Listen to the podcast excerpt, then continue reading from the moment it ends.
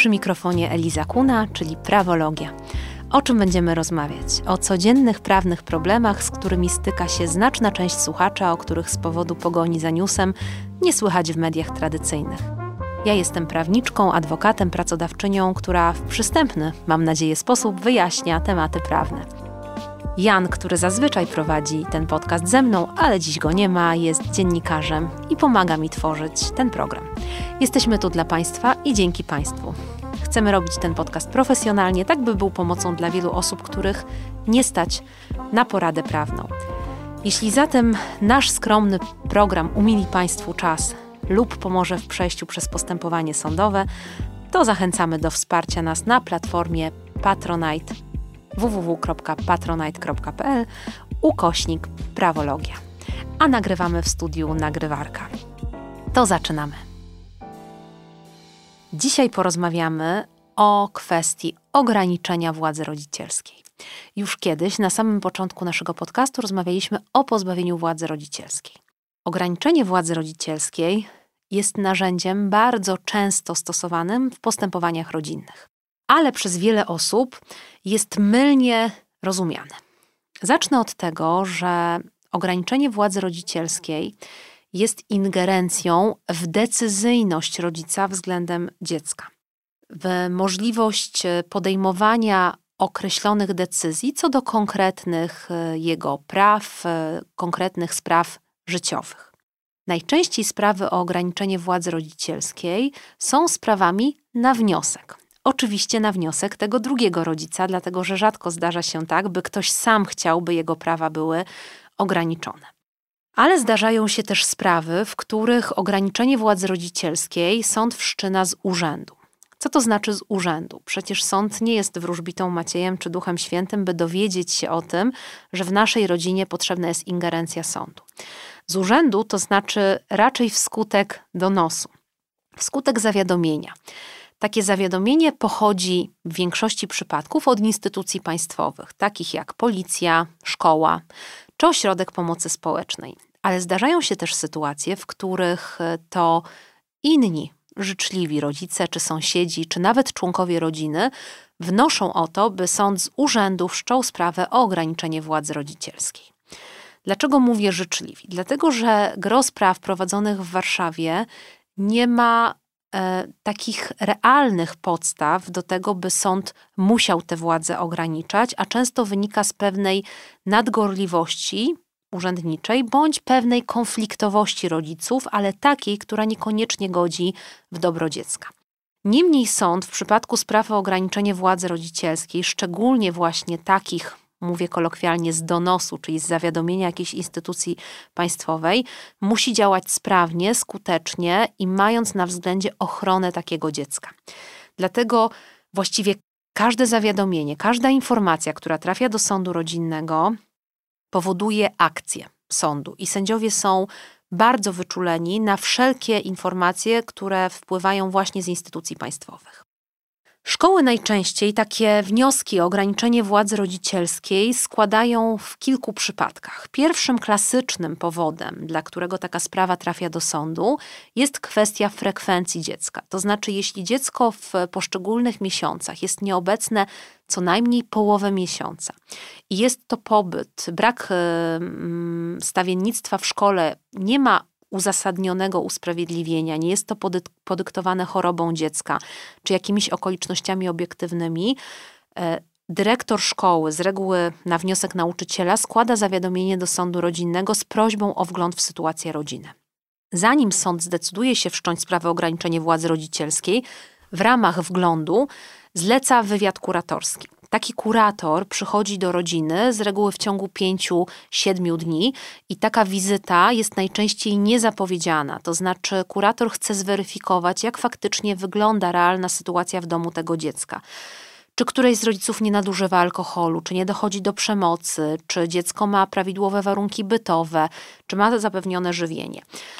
Jeśli taki wywiad kuratorski wypadnie pozytywnie, często na etapie już tego wglądu w sytuację rodziny, sprawa jest umarzana i właściwie nie kończy się żadnymi dalszymi reperkusjami. Jeśli jednak kurator stwierdzi, że jest coś na rzeczy, bądź zarzuty ze strony instytucji państwowej są bardzo poważne, sąd wszczyna sprawę o ograniczenie władzy rodzicielskiej. Inne przypadki, kiedy szkoły decydują się na wniosek do sądu, e, to niepokojące zachowania dziecka, na przykład wykazywanie zachowań agresywnych bądź wulgarnych w stosunku do rówieśników, czy chociażby nauczycieli. Także często, szczególnie w realiach e, dzisiejszego współczesnego szkolnictwa, kiedy rodzice mają szereg pomysłów, innowacji, ale także nierzadko popadają w konflikty z nauczycielami, to także z uwagi na słabnący autorytet e, nauczycieli wśród społeczeństwa. E, kiedy rodzice wykazują tak zwaną postawę niewspółpracującą, konfliktową, nie stosują się do zaleceń szkoły, nie chcą wykonać określonych diagnoz, konsultacji psychologicznych, zaleceń, czy na przykład skorzystać z pomocy psychologa czy pedagoga szkolnego, szkoła z uwagi właśnie na ten brak współpracy rodziców e, prosi sąd o wszczęcie sprawy o ograniczenie władzy rodzicielskiej.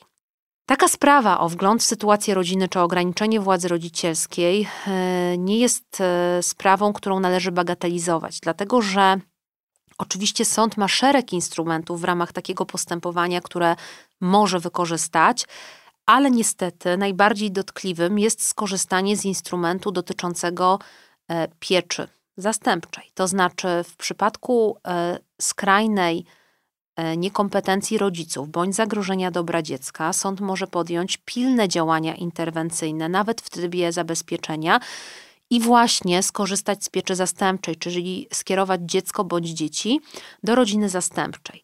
O ile jest to rodzina spokrewniona, na przykład dziadków czy rodzeństwa rodziców, e, to dziecko nie przeżywa aż tak e, dużej e, traumy i odizolowania od środowiska rodzinnego, ale najczęściej w tego rodzaju przypadkach są to rodziny zastępcze zawodowe bądź po prostu profesjonalne placówki opiekuńcze.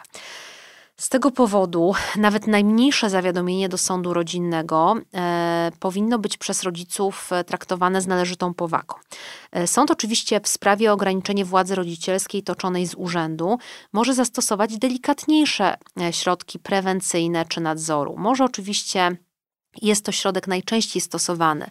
Orzec o tymczasowym, czyli na czas trwania postępowania nadzorze kuratora, bądź o ewentualnym docelowym nadzorze kuratora już po zakończeniu postępowania. Może też skierować rodziców na różnego rodzaju terapie bądź warsztaty, bądź zobowiązać rodziców do tego, by dziecko uczęszczało na określone terapie, choćby na przykład było objęte pomocą psychiatry, jeśli jest to na przykład dziecko, które ma określoną diagnozę depresji czy na przykład spektrum autyzmu, bądź było skierowane na psychoterapię. Możliwe są też e, innego rodzaju formy ograniczenia władzy rodzicielskiej poprzez na przykład nakazanie rodzicom e, prowadzenia wspólnej terapii rodzinnej, takiej, która ma zażegnać konflikt między nimi, niezależnie od tego, czy są to rodzice wspólnie wychowujący dziecko, czy żyjący w rozłączeniu.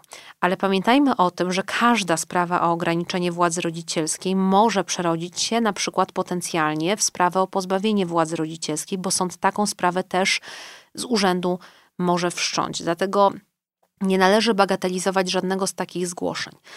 E, ośrodki pomocy społecznej z kolei często zgłaszają w takich sprawach rodziny nieporadne, czyli takie rodziny, które mimo pomocy, czy asystenta rodziny, czy pomocy finansowej ze strony ośrodka pomocy społecznej, nie są w stanie w sposób skuteczny, efektywny zapewnić dziecku no, niezbędnych warunków do życia, choćby warunków bytowych, materiałów szkolnych, edukacyjnych, czy na przykład doprowadzić do tego, że dziecko będzie uczęszczało do szkoły. W przypadku rodzin skrajnie nieporadnych, kiedy pomoc y, taka doraźna ośrodka pomocy społecznej, czy nawet kuratora sądowego jest nieskuteczna, sąd też może właśnie podejmować interwencje w ramach postępowania o ograniczenie władzy rodzicielskiej. Ale w Warszawie, mieście e, żyjącym dostatnio, gdzie rodzice mają e, szeroką kreatywność w zakresie postępowań rodzinnych wzajemnie sobie wytaczanych, jest też e, gro spraw o ograniczenie władzy rodzicielskiej, które są sprawami wnioskowymi, czyli takich, w których jeden rodzic wnosi o ograniczenie władzy drugiego. Jest to mimo tego samego skutku w postaci utrudnienia decyzyjności, e, no, jest to sprawa zgoła inna, dlatego że ona nie dotyczy już jakby ingerencji w wykonywanie władzy przez oboje rodziców, ale dotyczy bardziej konfliktu rodziców na poziomie spraw życia codziennego dziecka, w szczególności takich istotnych spraw, jak kwestie edukacji, kwestie leczenia, kwestie religii, kwestie paszportu, kwestie wyjazdów za granicę, czy kwestie na przykład tego, czy dziecko może chodzić na dane zajęcia dodatkowe. Brzmi znajomo? Otóż tak, bo kiedyś już rozmawialiśmy o tym, e, co zrobić, kiedy drugi rodzic nie godzi się na wybór szkoły. Mówiliśmy o sprawie, o tak zwane rozstrzygnięcie o istotnych sprawach dziecka. Ale kiedy taka sprawa nie wystarczy, albo tych problemów e, w komunikacji z drugim rodzicem robi się więcej, bo jest on niejako hamulcowym wszelkich naszych decyzji, no to wtedy pojawia się pytanie bądź potrzeba, czy należy ograniczyć władzę rodzicielską tego e, drugiego rodzica, czyli najczęściej dać w pewnym sensie wolną rękę rodzicowi wiodącemu, czyli temu, który na stałe mieszka z dzieckiem. Co to oznacza? Oznacza to nie mniej, ni więcej, ale to, że w pewnych określonych kwestiach prawo do decydowania będą mieli oboje rodzice. Czyli na przykład w kwestii wyjazdów za granicę ale w pozostałych, niewymienionych w postanowieniu kwestiach, już władzę będzie miał ten rodzic, którego władza nie została ograniczona, czyli najczęściej rodzic pierwszoplanowy, wiodący, ten, który na stałe mieszka z dzieckiem, czyli mówiąc wprost, w 97% przypadków matka. Dlaczego te postępowania są często błędnie interpretowane? Dlatego, że mm, najczęściej e, konflikt dotyczy edukacji albo leczenia. I rodzic wiodący, czyli matka, wnosi o ograniczenie władzy rodzicielskiej drugiego rodzica, czyli ojca, do kwestii leczenia i zdrowia. Ale oznacza to w świetle prawa, że właśnie do tych kwestii ojciec będzie miał prawo decydować. To znaczy, ograniczenie władzy rodzicielskiej do prawa decydowania o leczeniu i edukacji.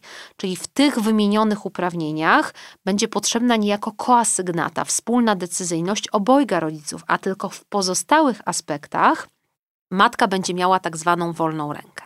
Dlaczego te sprawy są tak skomplikowane i jednak długotrwałe? Dlatego, że sąd uważa, że nie każdy konflikt powinien skutkować ograniczeniem władzy rodzicielskiej drugiego rodzica.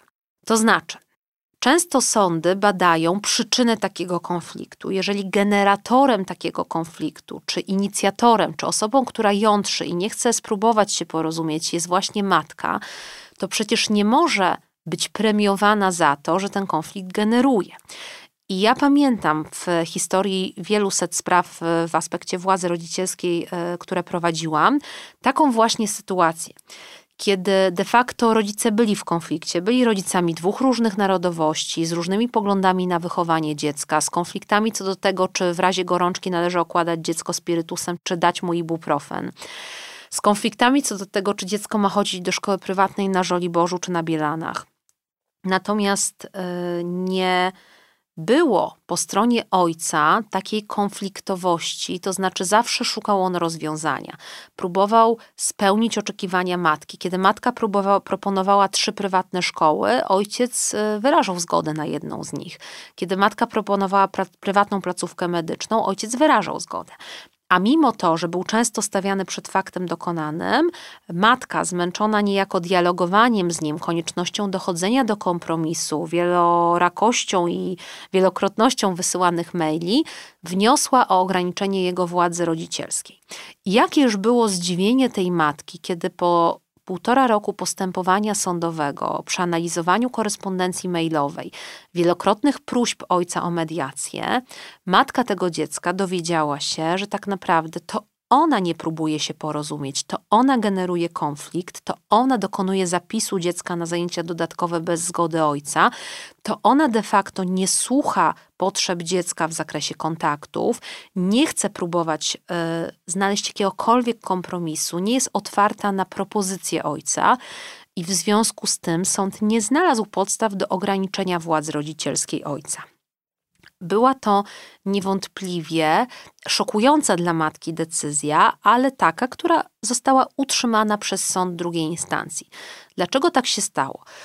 Otóż dlatego, że w gruncie rzeczy temu ojcu, poza tym, że mógł mieć odmienne zdanie co do tego, czy dziecko powinno chodzić na judo czy na karate, nie można było zbyt wiele zarzucić. To znaczy, płacił regularnie alimenty w kwocie wówczas nieco wyższej niż przeciętna w Warszawie.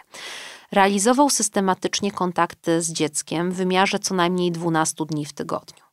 Realizował kontakty wakacyjne, feryjne, świąteczne w połowie tych szczególnych dni wolnych od pracy. Znał potrzeby dziecka. Uczestniczył we wszystkich zebraniach rodzicielskich, odrabiał z nim prace domowe, był w bieżącym kontakcie ze szkołą, starał się komunikować z matką, wysyłał jej maile ze swoimi propozycjami.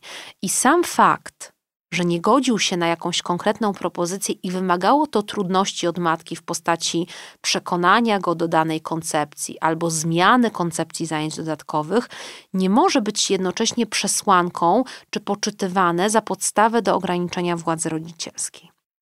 Często, a z przykrością to stwierdzam jako kobieta, matkom wydaje się, że są omnipotentne. To znaczy, że z racji tego, że są matkami, rodzicami wiodącymi, że otrzymują alimenty, że mają gigantyczne zaangażowanie w życie dziecka, czemu nie przeczę, to e, że mogą decydować absolutnie o wszystkim, nie uwzględniając w ogóle woli i życzeń drugiego rodzica.